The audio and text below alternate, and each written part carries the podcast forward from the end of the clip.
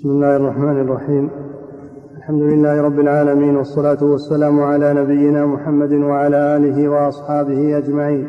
أما بعد قال المؤلف رحمه الله تعالى وعن عائشة رضي الله عنها قالت اختصم سعد بن أبي وقاص وعبد بن, وعبد بن زمعة في غلام فقال سعد يا رسول الله هذا ابن أخي عتبة ابن أبي وقاص عهد إلي أنه ابنه انظر إلى شبهه.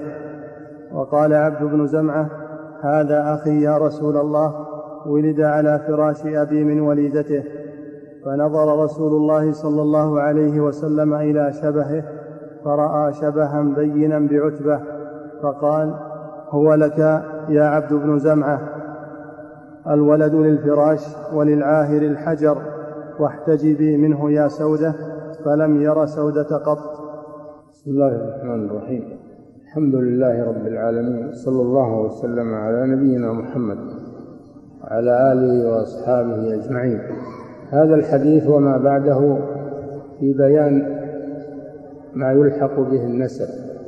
إذا كان هناك شخص مجهول مجهول النسب واختلف فيه المدعون كل يدعي أنه تبع تبعا له. النبي صلى الله عليه وسلم وضع قواعد في هذا.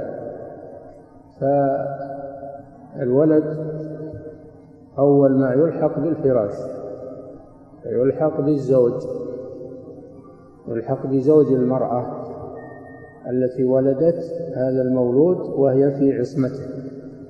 ثانيا إذا لم يكن هناك فراش فإنه ينظر إلى الشبه إلى الشبه. فمن ظهر شبهه لأحد المدعين يلحق به. والذين يعرفون الشبه هم القافة الذين يقصون الأثر ويعرفون أشباه الناس. يسمون بالقافة هذا الحديث هو من النوع الأول. أن سعد بن أبي وقاص رضي الله عنه اختصم هو وعبد بن زمعة رضي الله عنه في مولود من امرأة مملوكة لوالد عبد لزمعة مملوكة لزمعة وكان يطأها بملك اليمين فولدت هذا المولود.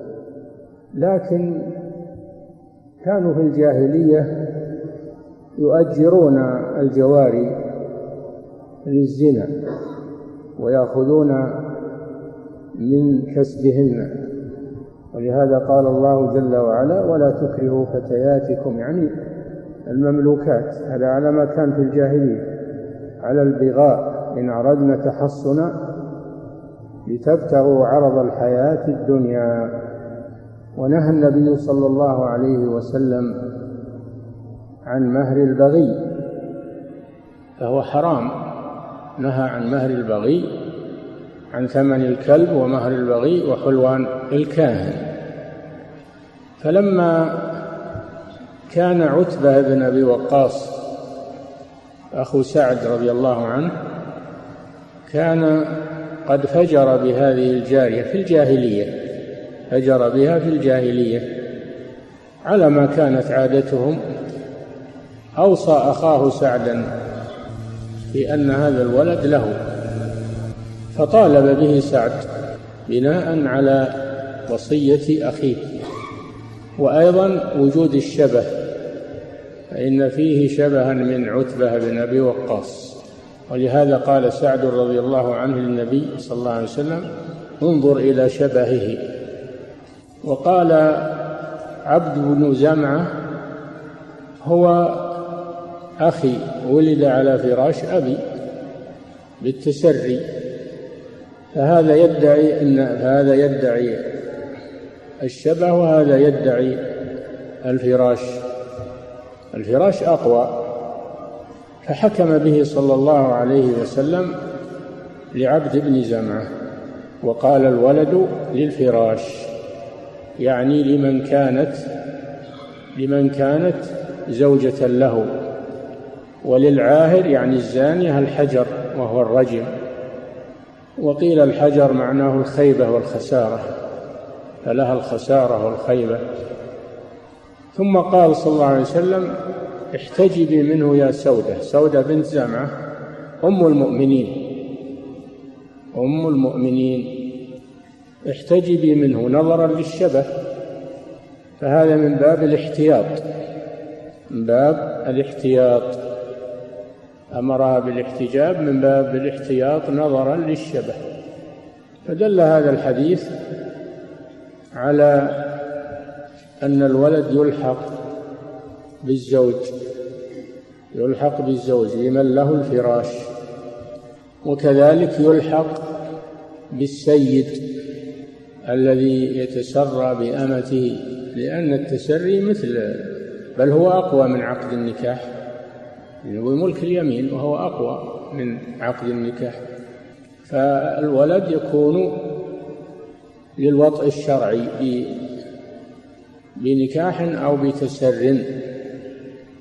فدل على أن أقوى ما يلحق به النسب هو الفراش. وإن كان فيه شبه لغير صاحب الفراش فالفراش مقدم. مقدم على غيره. ولكن نظرا لوجود الشبه النبي صلى الله عليه وسلم أمر سودة أن تحتجب منه. مع أنه ألحقه بأبيها ولكن هذا من باب الاحتياط. فدل هذا الحديث على وجوب الرجوع إلى أهل العلم في فض النزاعات والخصومات الرجوع إلى الشريعة والمحاكم الشرعية ولا يرجع إلى أعراف الناس وأحكام الجاهلية بل يرجع إلى المحاكم الشرعية. وأما من يتحاكم إلى العادات القبلية فإنه يتحاكم إلى الطاغوت يتحاكم إلى الطاغوت. فالحكم بغير ما أنزل الله حكم الطاغوت على أي نوع كان. ثانيا فيه أن الفراش مقدم على الشبه لأنه أقوى منه. ثالثا فيه الاحتياط.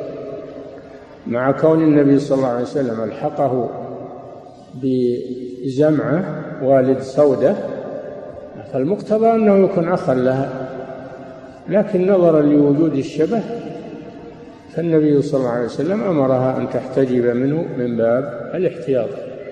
فلا فلم يرها فلم يرها هذا الغلام.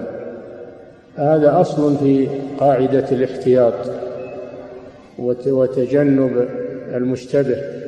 وقد قال صلى الله عليه وسلم دع ما يريبك إلى ما لا يريبك. نعم.